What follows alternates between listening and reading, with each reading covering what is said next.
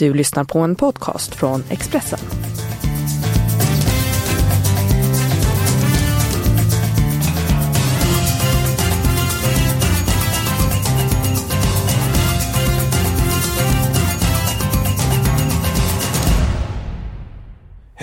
Hej och eh, varmt välkommen till Expressens podd eh, Avspark. Eh, veckorna går snabbt. I förra veckans podd så att våren verkligen är i antågande på flera ställen i Sverige och vi är redan inne i mars månad.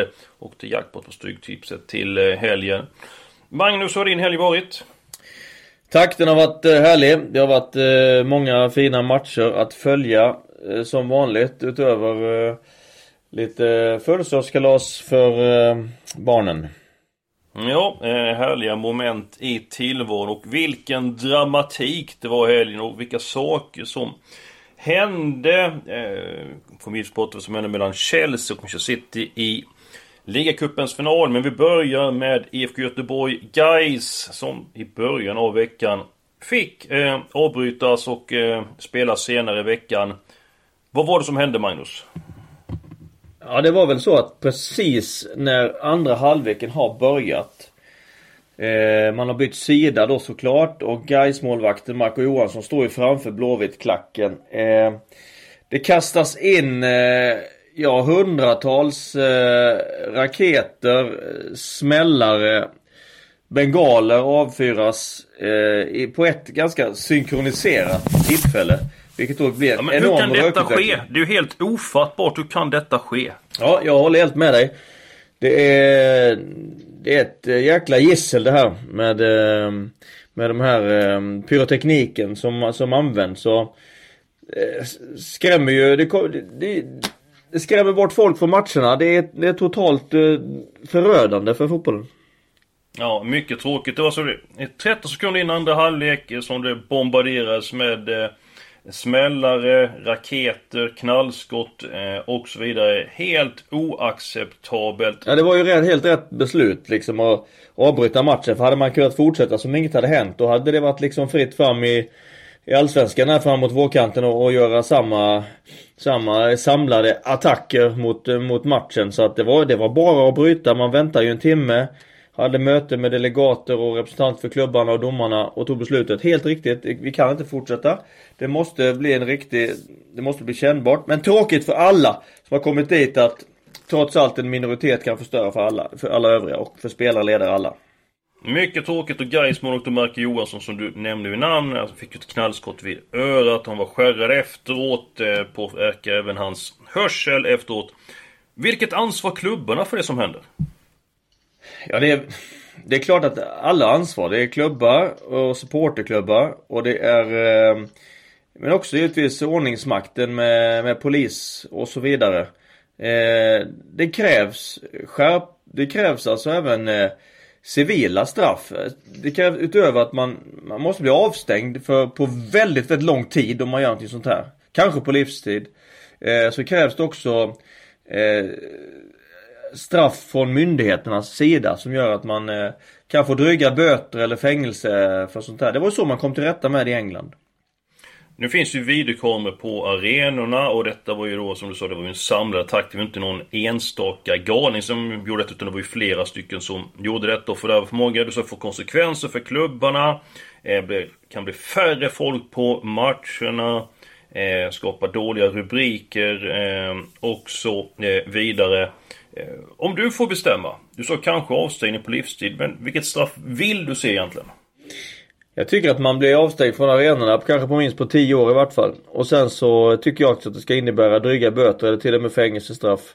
Eh, det ska vara verkligen avskräckande att förstöra eh, för det finaste vi har nämligen Nämligen våra tävlingsmatcher i, i fotboll. Jag skriver under på det du säger till 100% Det vill se mycket folk på arenorna, det vill se barnfamiljerna på arenorna. Det var så jag blev intresserad av fotboll. De här idioterna som fördärvar på arenorna. Rött kort till er. Jag ska vara helt ärlig, jag vill inte se er på fotbollsarenorna. Och jag hoppas att ni åker dit för de här dumheterna som ni gör. Om vi går på Stryktipset, eh, tre stycken säkra den här veckan. Manchester City, som vi snart kommer att prata om, spelar bort mot Bournemouth. Bournemouth har skadematch nummer två, säker tvåa. Wolverhampton är svårslaget match nummer 5, möter Cardiff. Ettan lämnas alena där. Och Preston match nummer 10. Som övertygat väldigt stort på eh, sistone. Avgjorde tidigt mot ett eh, hemmastarkt Millwall den senaste omgången. Gick tidigt fram till 2 och vann väldigt bekvämt. Eh, har man samma attityd till helgen så kommer Bristol City att besegras. Jag har nämnt eh, att det var en dramatisk helg. Ligacupfinalen mellan Manchester City och eh, Chelsea. Eh, ja, berätta vad som hände under slutminuterna. Ja, det är ju så att Sarri, Chelseas tränare, eh, det hände ju många saker men framförallt det här kanske som blev, folk kommer ihåg att Sarri vill byta ut Kepa målvakten för att eh, man har gjort en eh, bedömning att han har kramp eh, och inte kan gå för fullt. Eh, så att man eh, försöker göra Caballero klar och eh, man ska göra bytet men eh, Kepa eh, vägrar helt enkelt att byta. Han eh, försöker signalera och signalerar säger han att han, att han kan fortsätta och men Sarri vill göra bytet men, men Kepa kommer inte. Han byter inte. Nej och Sarri, hur, han, han, är ju, han är ju överallt på väg från arenan så att man märker att han är ju oerhört frustrerad. Ja, han var nere i spelargången och vände och kom, kom tillbaka. Han var helt, han var helt tokig. Han tänkte han kan ju inte vinna en straffläggning med en målvakt som inte är frisk. Och eh, det, det gjorde de inte heller. De vann inte straffläggningen. Nej. Varför står inte på sig ännu mer och tvingar honom av planen tror du? Eh, vet du inte. Eh, egentligen vad det, hur, hur det kan bli som, som det blev. Att det, de menar ju bägge två efter matchen att det var en kommunikationsmiss. Att eh, att Kepa menar ju att han på något sätt kände att han, att han hade rätt att fortsätta eftersom han signalerade att han, att han kunde göra det. Medan Sarri mm. såklart eh, menar att han skulle ha bytt och helt enkelt en, en kommunikation. Det är inte som en division 5 match där det är bara Europa så, så hör man utan det är ju väldigt oväsen så det är ibland svårt att få kontakt med spelare. Samtidigt kunde han ju sagt till en någon av utespelarna springa ner och säga till att han ska byta men ja det, det en mycket märklig situation som man väldigt sällan ser. Eh, ja, men har du sett något liknande någon gång? Nej, jag har sett, eh, jag har ju sett motståndarlag och även haft egna spelare som inte vill byta. Men bytet blir ju liksom Bytet blir ju likväl Likväl av. Och sen är kanske spelaren är lite tjurig för att han blir utbytt och så vidare. Det, så kan det ju vara. Det är ju känslor i fotboll och så vidare. Då får man prata om det. Man prata om det efteråt. Men men ja, det, det sker Men det måste du varit, eh, du som varit nu på elitnivå i så många år. Det måste du varit med. Du bytt ut en spelare, du ser på kroppsspråket, han som blir utbytt, att han ser inte nöjd ut. Eh, hur hanterar du det? Många gånger har jag varit med om det såklart. Eh, Men pratar du med, med personen i fråga? Tar du på träningen? Tar du några dagar efter? Nej, tar man, tar, man, tar det när, man tar ju det när det har lugnat ner sig. Eh, ibland är det bra att smida medan järnet är kallt. Och eh, det är bättre i en sån situation att ta det snacket någon, någon eller någon eller ett par dagar senare och reda ut det. För det, det hjälper inte när, när eh, man som tränare är adrenalinstinn och spelaren är i affekt. Det, det, blir ingen, det blir inte bra. Kepa han fortsätter att stå. Det blev straffläggning och där vann Manchester eh, City. Vem var den största förloraren i Chelsea? Givetvis hela laget, men om vi tar Sari eller Kepa, vem tycker du bär det största ansvaret då för att det blev förlust? Men jag tycker att alltså om tränaren, eh, men man, man hänvisar att det är en kommunikationsmiss så det blir, det blir så svårt det där. Eh, det är klart han ska, han ska gå av plan. Man, men han, han menar att han inte fattade men han borde ju ha fattat det. Så det blir ju väldigt... Ja, respektlöst det tycker jag det var. Ja det, det, det, det, blir väldigt konstigt. Väldigt märklig situation. Det, det, det, fungerar liksom inte så. Om det ska bli till det, det bästa möjliga. Så att, och så tar vi straffläggningen sen där då. Och då blev det ju Manchester City som vann och redan då så såg man ju rubrikerna framför sig i eh, tidningarna. Eh, hade du några synpunkter på eh, själva straffläggningen och uttagningen utav de som la straffarna? Ja, alltså det finns en statistik. Det finns en norrman som heter Geir Joret som är idrottspsykolog och som har gjort en mm. jätteomfattande studie på straffsparksläggning vad det gäller EM, VM, Champions League, alltså de stora turneringarna. Alla straffsparksläggningar som har gjorts där de sista 50 åren har han undersökt varje straffspark. Och då visar det sig att det finns en position som har den absolut sämsta statistiken av alla. Och um, det kan du kanske gissa till vilken position En back? Ja det är ju en, eh, det är mittbackar som i straffsparksläggning, det vill säga inte, inte straffar i match utan straffar efter när det ska avgöras på straffsparksläggning. Så har mittbacken absolut sämsta eh, statistiken. Och vem missade? Jo det var David Luiz som spelade mittback för Chelsea i matchen. Ja det är ju intressant för att jag vet hur många eh, bra straffskytt som är mittbackar. Jag tänker på Tom Jönsson i HBK. Han var i Halmstad bollklubb och var med när SM-guldet vann 20, 2000. Eh, sen har vi då Andreas Granqvist, Granen som lägger straffarna i svenska eh, landslaget. Nu lägger han nu under ordinarie tid. Vad är då skillnaden på att lägga en straff under ordinarie tid och i en eh, eh direkt avgörande straffsparksläggning? Ja, lite mindre anspänning är det ju. Därför att eh, du vet att missar du under, under ordinarie matchtid så finns det ju fortfarande tid att reparera det. Missar du straff, en straffsparksläggning så är ju då är ju risken ännu större att eh, det blir eh, ett negativt avgörande. Ja men om vi, vi säger nu att du är förbundskapten och då Andreas Granqvist som eh, lägger straff. Och sen så blir det straffsparksläggning. Skulle du ta bort honom som straff? Nej det har jag inte gjort men jag hade inte adderat, adderat fler mittbackar. Nej, eh, intressant. Den här statistiken, hur mycket kan man lite säga på den? Sa att den var 50 år gammal. Nej, den, är, den har statistik från 50 år och framåt. Så siffrorna är inte 50 år gamla. Jo, de första siffrorna, men totala, man har ju tagit alla siffror under de senaste 50 åren. Mm. Så att eh, Ja, den förklarar ju, statistik förklarar ju vad som har varit. Men den berättar ju inte helt vad som kommer att ske i framtiden. Men eh, man, men man ska nog inte, som all statistik så ska man nog ändå inte, inte bortse från den. Om vi tar bort den här statistiken då. Eh, har du haft nytta av statistik under din tränarkarriär? Typ att eh, från den positionen gör man bara mål en gång på 40. Eh, hörner, man gör mål på en av x antal. Har du haft någon nytta av det under din tränarkarriär, den här statistiken? Absolut, jag använder eh, statistik mycket i min tränargärning för att jag eh, tycker det är bättre att spela eh, med vetenskapen och statistiken än mot. Det är min, min filosofi. Du får ge ett exempel på någon statistik som du har använt under karriären. Vad man visar nu till exempel är varifrån eh, sista passningen, assisten slås i modern fotboll. Eh, I anfallsspel delar man in planen i i längdriktningen i fem zoner. Två ytterzoner, två inre korridorer, en central zon. Eh, den inre korridoren kallas också för half space. Eh, det är därifrån assisten slås. Eh, antingen djupt eller framför motstånd, bakom motståndarens backlinje eller framför motståndarens backlinje i, i den ytan. I inre korridorerna i half space. Eh, det visar statistiken och det visar att börjar du titta på matcher och med de ögonen så kommer du se att därifrån slås assisten. Och då använder man givetvis sitt sätt att jobba för att ha ett spel där man sätter upp och kunna bli rättvänd och kunna slå de passningarna i de ytorna för därifrån ökar chansen att få en assist. Till exempel. Och hur försvarar du dig emot de här då? För att liksom göra det värre för motståndaren här ytan att de ska kunna få använda den för att kunna skaffa sig och lägen och slå en avgörande passning. Ja, det gäller ju förflytt, förflyttningar i laget som gör att man dödar den ytan.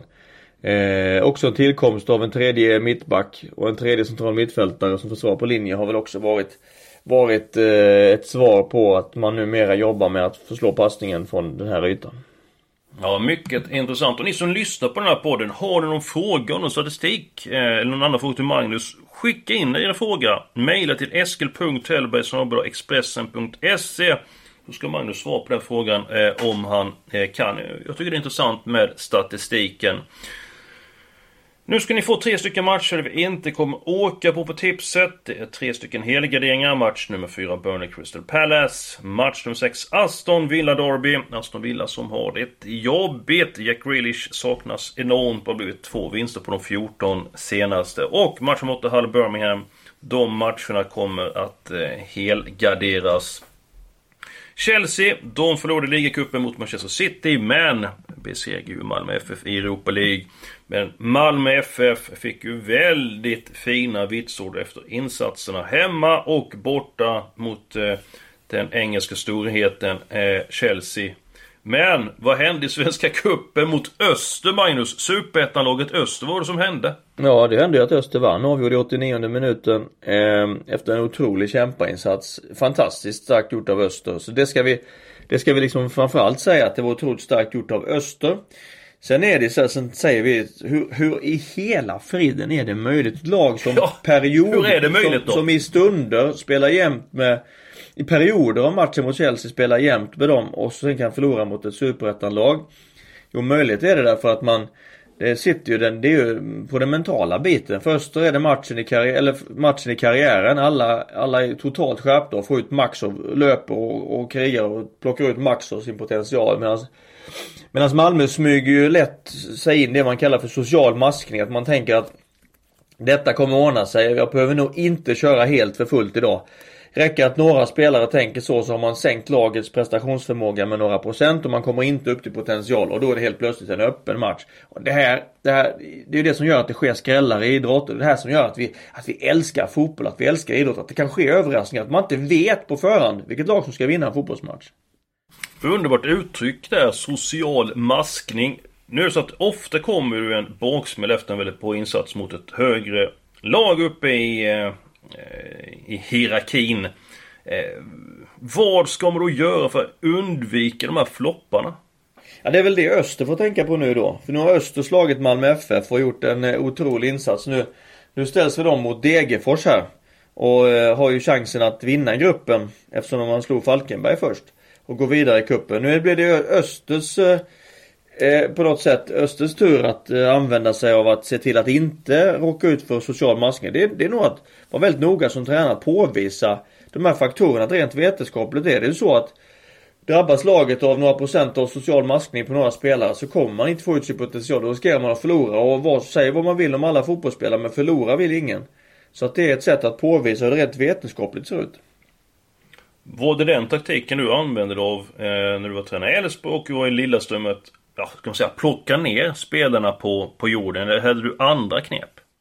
Ja men det är ju ett sätt att påvisa att, eh, att alltid påvisa att, att det krävs max. Vissa spelare får man aldrig säga till för de är alltid uppskruvade. De kör alltid max medan vissa spelare är, är mer om vi säger motivationsspelare som, som, där det pendlar mer i i, eh, i motivation och behöver hjälp med den. Och då, då gäller det klart att känna av vilka som behöver vilken typ av eh, hjälp inför varje match för att kunna prestera. Och det där lyckas ingen tränare med att få alla sina spelare att prestera på eh, max varje gång. Men eh, känner man till verktygen kan man i alla fall få det att lite ofta gå åt rätt håll. Kan du inte nämna några spelare som alltid körde på max oavsett om det var träningsmatch, det var träning, det var eh, spel ute till kvalmatch ute i Europa, ett toppmöte i Allsvenskan. Vilka spelare körde alltid på max? Det finns, eh, det finns ju ett antal sådana men jag brukar Jag brukar lyfta fram Daniel Mobeck när eh, jag lyfte fram en spelare som alltid gav precis allt i träning och match och var en sån riktig hedersman Att ha och dessutom kunde spela på alla platser i laget eh, Kanske till och med målvakt kanske, vem vet eh, Så att jag, jag säger Daniel Mobeck Mm, mycket intressant. En god egenskap att alltid ge järnet och ger man järnet så brukar man belönas. Jag hoppas att det blir bra belöning på Stryktipset. Det är dags för de halvgraderade matcherna. Match nummer 6. West Ham Newcastle. Ett kryss i den matchen. Matchen var Rotterdam mot Blackburn. Eh, Blackburn har en poäng på de fem senaste matcherna. De spelade bra i helgen. Rotterdam eh, har kryss i de fem senaste matcherna och är i stort poängbehov. Jag tar bort krysset. 1-2 den matchen. Och match nummer 13, Wigan Middlesbrough, är kryss 2 i match nummer eh, 13. Tusen tack för din medverkan den här veckan Magnus. Ja, det är som vanligt en eh, mycket trevligt. Och så påminner om att skicka in eh, frågor, social maskning, eh, statistik, ifall du har några idéer och så eh, vidare. Bara bomba på med frågor. Eh, kan mejla till eskil.hellberg.expressen.se Vi önskar er ett stort lycka till till helgen och nästa vecka då är vi tillbaka med en ny podd.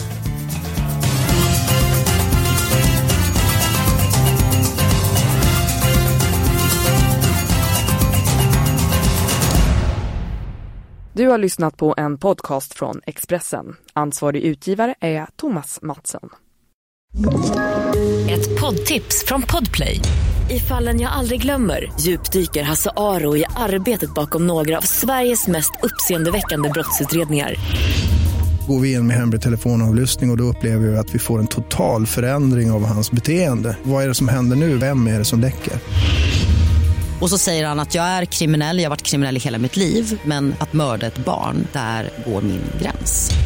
Nya säsongen av Fallen jag aldrig glömmer på Podplay.